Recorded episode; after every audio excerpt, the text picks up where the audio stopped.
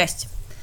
Wyciągnęłam dzisiaj dla Was bardzo mało znaczącą, mało znaną, ale bardzo ciekawą postać historyczną.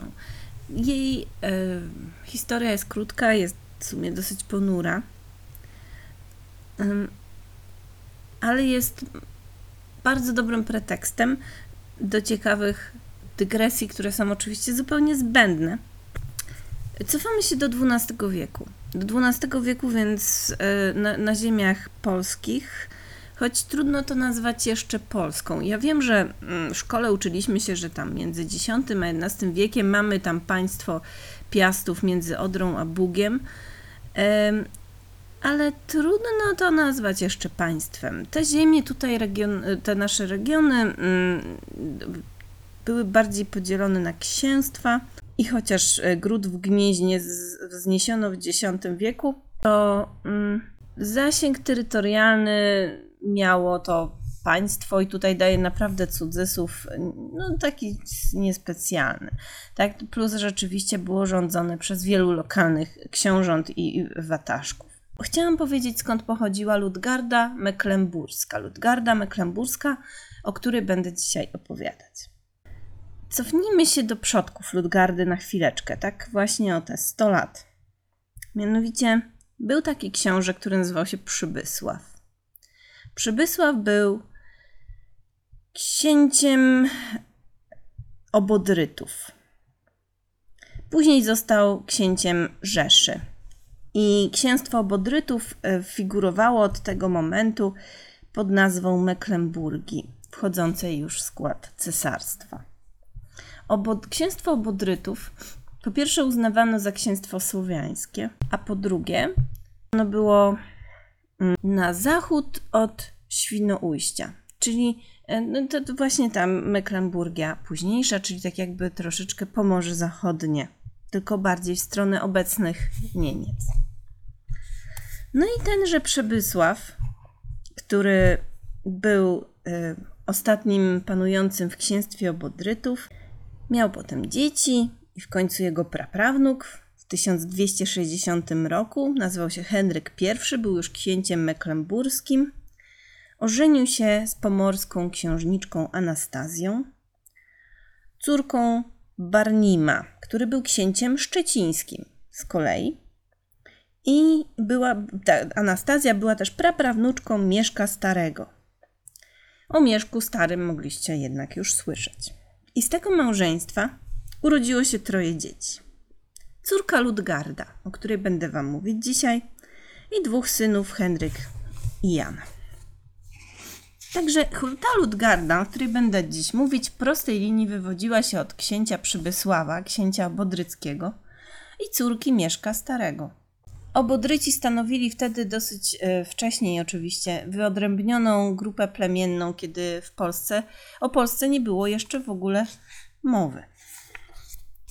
Ojciec Luzgardy, Henryk I Pielgrzym, swego czasu poszedł na wojnę z Saracenami. Ponieważ Ludgarda z tego powodu, że Henryk poszedł wojować z Saracenami, była zarówno sierotą, jak i niesierotą, ponieważ e, nie pamiętała swego ojca, bo jego przydomek, pielgrzym, zrodził się z pielgrzymki do Jerozolimy w 1271 roku, podczas której wpadł w ręce właśnie tych Saracenów, z którymi poszedł wojować, którzy następnie osadzili go w więzieniu w Kairze. Do Mecklenburgii dotarła mylna wieść, że Henryk umarł. Dopiero w 1275 roku, czyli 4 lata później, dowiedziano się, że Henryk żyje, ale wyznaczono wysoki okup za jego uwolnienie. Za to goniec, który miał dostarczyć okup, bo postanowiono oczywiście uwolnić księcia, yy, no nie dotarł do Kairu. Ktoś go napadł, zamordował, okradł, trudno powiedzieć. Trudne czasy, XIII wiek.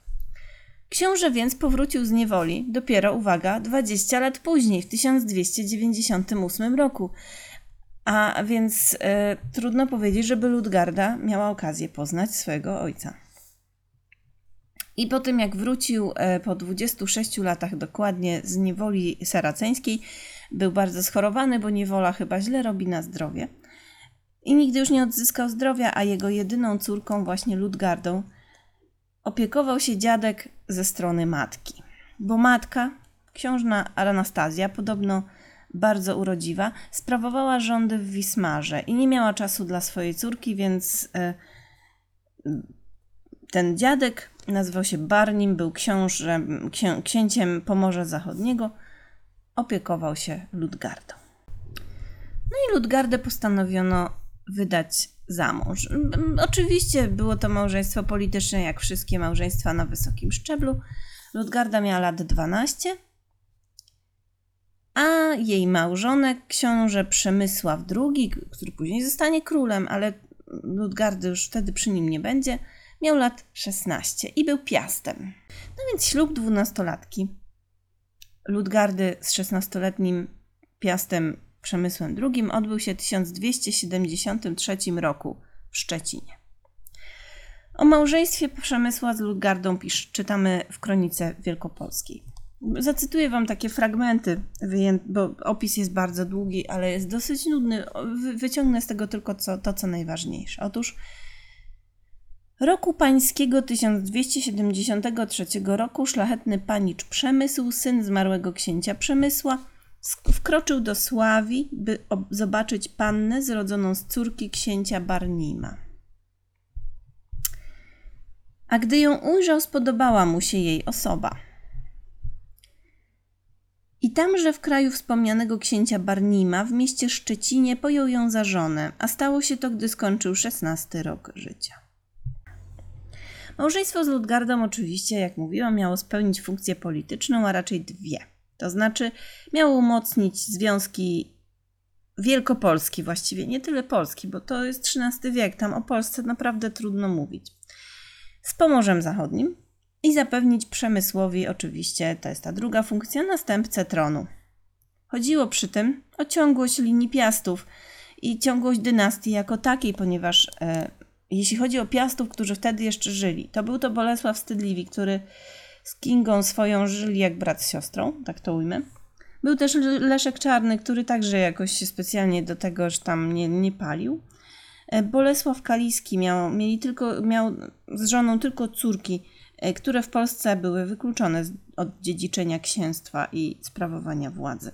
Więc e, przemysł był jedyną szansą na przedłużenie męskiej linii piastów. Po ślubie mm, para nowożeńców przybyła do Poznania, gdzie była witana w uroczystej procesji przez Bolesława Pobożnego e, i jego żonę Helenę oraz przez poznańskiego biskupa.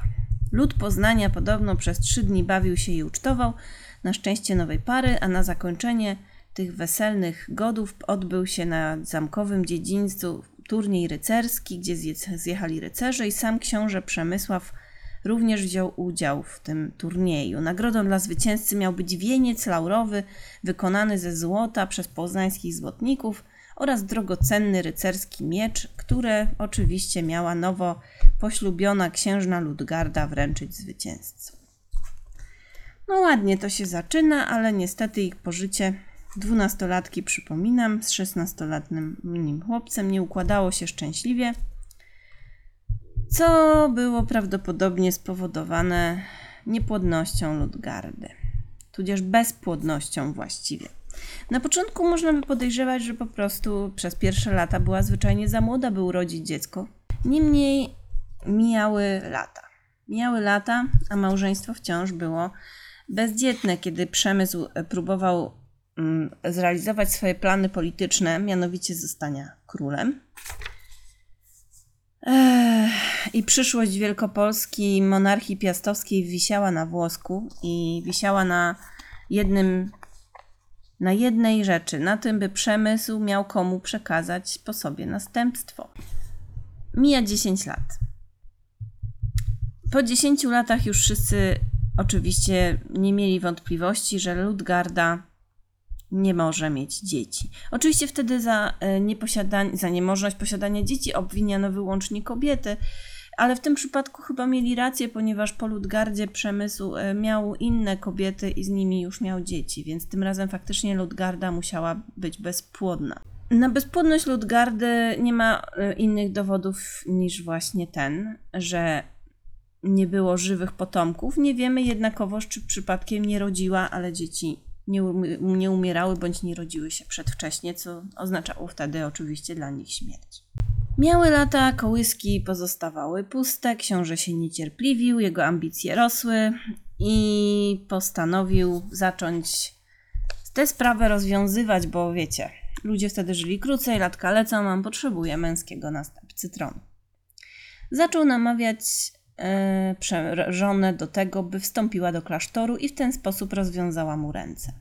To była jedna wersja, bo jest też opowieść, powiedzmy, na poły ludowa, Mm, która sprawę, przedstawia sprawę w takim świetle, że Ludgarda prosiła Przemysła, by ją odesłał, by od, odesłał ją do rodzinnego domu, e, co też byłoby jakimś rozwiązaniem, choć bardziej kłopotliwym z punktu widzenia politycznego. Tak czy owak, Ludgarda ani nie wróciła do swojego Szczecina, ani nie wstąpiła do klasztoru, lecz umarła. I trzeba powiedzieć to na głos, prawdopodobnie została zamordowana. Małżonkowie byli jeszcze wtedy młodzi. Książę miał lat 26, księżna 22, 3.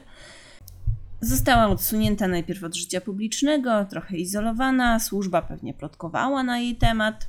Jej życie pewnie stawało się nie do zniesienia pod presją. I książę miał wyjście właśnie takie, że albo ona wstąpi do klasztoru, albo on wystąpi do papieża o unieważnienie małżeństwa, ale taka procedura trwa lata i bardzo dużo kosztuje, bo Kościół nie robił niczego za darmo, a szanse na powodzenie także były e, średnie. Pontyfikaty na dodatek ówczesnych papieży trwały bardzo krótko, bo to było gniazdo żmi, więc nawet jeśli jeden papież byłby przychylny rozwiązaniu, to zdążyłby kopnąć w kalendarz, e, zanim e, by dokończył proces i kolejny papież, e, kolejnego papieża trzeba by namawiać od nowa i przekupywać. Bardzo to było wtedy skomplikowane. O papiestwie robię osobny cykl. Tam niektórzy papieże rządzili tylko dni nie miesiąc, albo miesiące, więc nie ma o nich o wiele mówić, ale o morderstwach będę opowiadać dużo. W każdym razie sytuacja polityczna była niepewna, stolica Piotrowa nie lubiła stwarzać precedensów. No poza tym książę miarzył królewskiej koronie, więc nie chciał zrażać do siebie kościoła, bo to byłoby bardzo nierozsądne. No i tak, ale bez oddalenia żony do klasztoru bądź jej, no cóż, zgonu, nie mógł zawrzeć legalnego związku małżeńskiego z inną kobietą, a gdyby nawet to zrobił, to jego potomstwo mogłoby być uznane za dzieci z nieprawego łoża, a to oznaczało, że nie mogłyby po nim dziedziczyć. Także zostanie wdowcem wydawało się najlepszą opcją i tak też się stało. Ludgarda umarła niespodziewanie, mając lat 22 czy 3, między 11 a 15 grudnia 1283 roku. Jest to jedna z bardziej ponurych zbrodni rodzinnych dokonanych przez Piastów, choć nie jedyna. Jako pierwszy sugestie o tajemniczości śmierci Ludgardy przekazał rocznik Traski. Pisze on tak. W tymże roku zmarła najdostojniejsza małżonka pana Przemysła księcia Wielkopolski, córka Mikołaja księcia Kaszubów imieniem Lukarda. Śmierci jej nikt nie zdołał dociec jak zaszła. Domysły są takie, że Przemysł nie popełnił zbrodni osobiście. No miał od tego ludzi. Wyręczyli go usłużni dworzanie. Ludgarda została zamordowana na Zamku Poznańskim, jak pisano, przez własnych domowników i służebnice. Przemysł wyprawił zmarłej pogrzeb z książęcą wspaniałością, jak pisano, ale nie ukarał żadnych winowajców. Chciał, by uwierzono, że Ludgarda zmarła z powodów naturalnych. Przeliczył się. Zwłaszcza, że tuż po pogrzebie zaczął wykazywać gorączkową gorliwość wokół kościelnych spraw. Ludgarda umiera właśnie koło 11 do 15 grudnia prawdopodobnie 12 grudnia, a 20 grudnia już, e, kiedy Jakub Świnka w obecności czterech biskupów otrzymuje sakra arcybiskupą, arcybiskupią, to tę uroczystość przemysł wielkopolski po pogrzebie swojej żony zaszczyca. I nowemu arcybiskupowi Jakubowi pierścień z drogim klejnotem i kosztownej roboty dał i podarunki. Tutaj jest cytat z kroniki. Więc 12 grudnia umiera Ludgarda, 20 jej małżonek leci już na uroczystości kościelne. 27 grudnia Przemysł, uwaga, założył klasztor mniszek zakonu kaznodziejskiego w Poznaniu, któremu trzy wsie, Piątków, Rudnie i Zaparcice, posagiem naznacza. Kolejne dwa dni mijają, czy tam cztery, 31 grudnia założył szpital na przedmieściu kaliskim na schronienie chorym i nędzarzom, a nadawszy go stosownym posagiem i przywilejom powierzył zarząd jego zakonnikom świętego Jana. Wygląda tak, jakby droboroczynną z działalnością przemysł chciał odwrócić od siebie podejrzenie o zbrodnie albo pobożnymi uczynkami zapewnić sobie poparcie kościoła. W każdym razie troszkę to wygląda tak, żeby, że chciał wypadać na kogoś tak super świętego, że nie można by go podejrzewać o zaciukanie własnej młodej małżonki. Im bardziej jednak uwijał się symulując, że jest w porządku wobec Boga i ludzi, tym bardziej dojrzewało w poddanych przekonanie, że coś strasznego się musiało stać.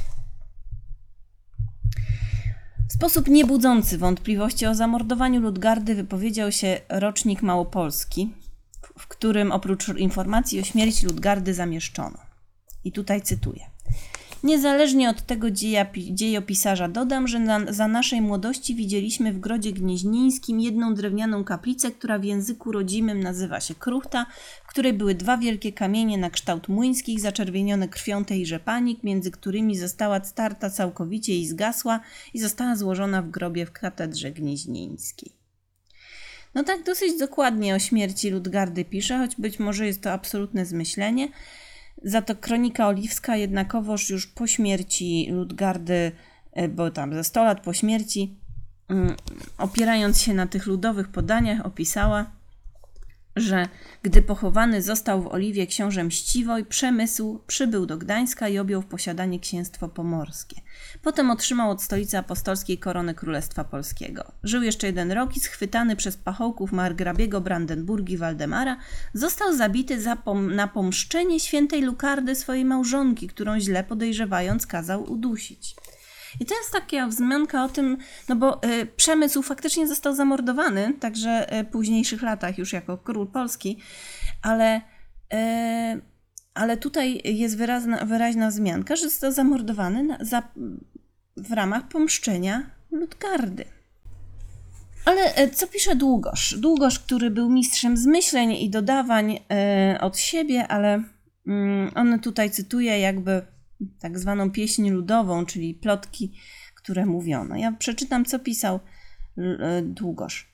Pieśń między ludem jeszcze za naszych czasów śpiewana świadczyła, jako księżna Lukierda, przeczuwając, że ją mąż zgładzić myśli ze świata, błagała go ze łzami i zaklinała, żeby niewieście i małżonce swojej nie odbierał życia, ale pomny na Boga i na uczciwość książęcą i małżeńską pozwolił jej wrócić do ojczystego domu, choć w jednej koszuli. Chętnie bowiem wznosić będzie los najbiedniejszy, byle jej życie darował. Mniemał przemysł, że skryta zbrodnia, o której niewiele wiedziało osób w wiecznym utonie milczeniu. Bóg jednak zrzędził inaczej, morderca bowiem usłyszał swoją hańbę wyśpiewaną w pieśni, która doszła aż do naszych czasów i za wieku dzisiejszego na widowiskach powtarzana bywa. Obwiniała rzeczonego księcia Przemysła o tę zbrodnię krążącą między gminem, ale prawdziwa pogłoska i od wielu cierpiał nieraz przygryzki, że Lukierda wprawdzie cudzą ręką, lecz z jego rozkazu została zamordowana – i ani powaga książęca, ani wydawane zakazy nie zdołały stłumić zarzutów w sercach ludu. A jakkolwiek przemysł zgładzeniem żony swojej z przyczyny jej niepłodności usiłował odmienić konieczny, nieodzowny wyrok nieba i powtórną przyjął małżonkę, nie uzyskał potomka płci męskiej i najohydniejszą zmazał się zbrodnią. Historia wydaje się być po stronie jednakowoż Ludgardy. Nie będę się tą historią spierać. Oczywiście Długosz zaznacza, że opiera się na pieśniach ludowych, no ale mm, wydaje się to być spójne z wcześniejszymi relacjami i z podejrzeniami, e, które się wokół Ludgardy także po, tuż po jej śmierci pojawiły.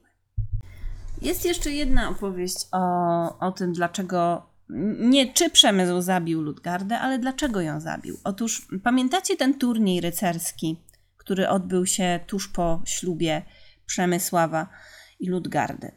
Pojawia się jeszcze jedna legenda. Taka legenda Przemko i Ludgarda, gdzie oprócz zarzutu bezpłodności występuje podejrzenie zdrady małżeńskiej. Otóż niejaki Dobiesław, rycerz z rodu Zarębów, wy, który wygrał ten turniej ryce- rycerski z okazji ślubu Przemysła, miał się w Ludgardzie zakochać, podobno z wzajemnością. Ludgarda oczywiście dochowywała wierności małżonkowi, ale małżonek jej nie wierzył. Tym bardziej, że nienawidził Dobiesława, który go w tym turnieju miał pokonać. Dobiesław brał także zresztą udział w zamachu w Rogoźnie, gdzie mm, Przemysław, w którym Przemysław zginął, co miało być zemstą za śmierć ukochanej Ludgardy.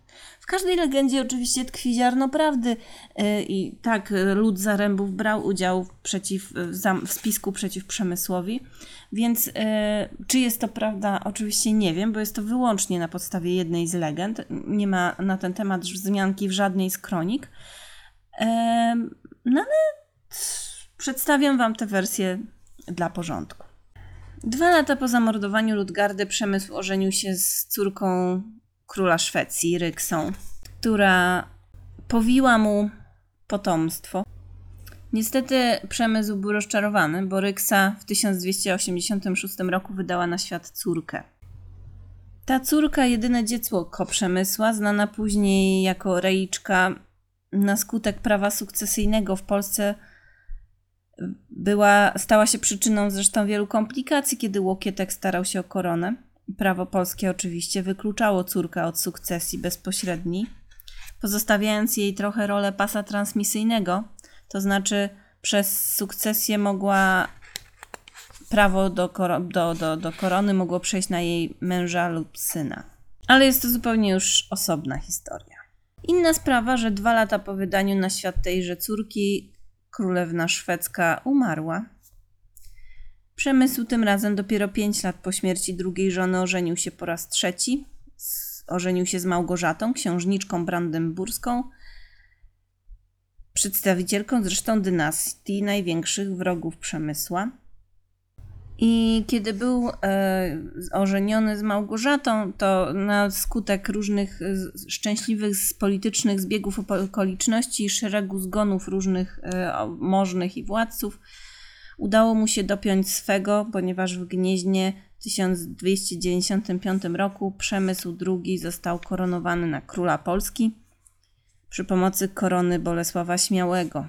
Koronowana została także na królową Małgorzata właśnie brandenburska, jego żona.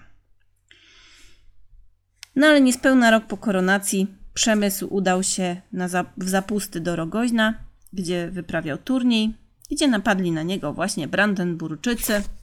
E, Przemysł napadnięty we śnie bronił się jak lew, ale został pokonany. Także tak się skończyły, e, skończyły e, losy Przemysła, no, króla Polski później już, ale Ludgarda już od dawna wtedy była martwa. I to by było na tyle. To była krótka historia smutnej, bezpłodnej Ludgardy, żony Piasta. Nie była to jedyna zbrodnia Piastów, e, więc być może o kolejnych opowiem w następnych podcastach. Do usłyszenia w każdy wtorek nowy podcast.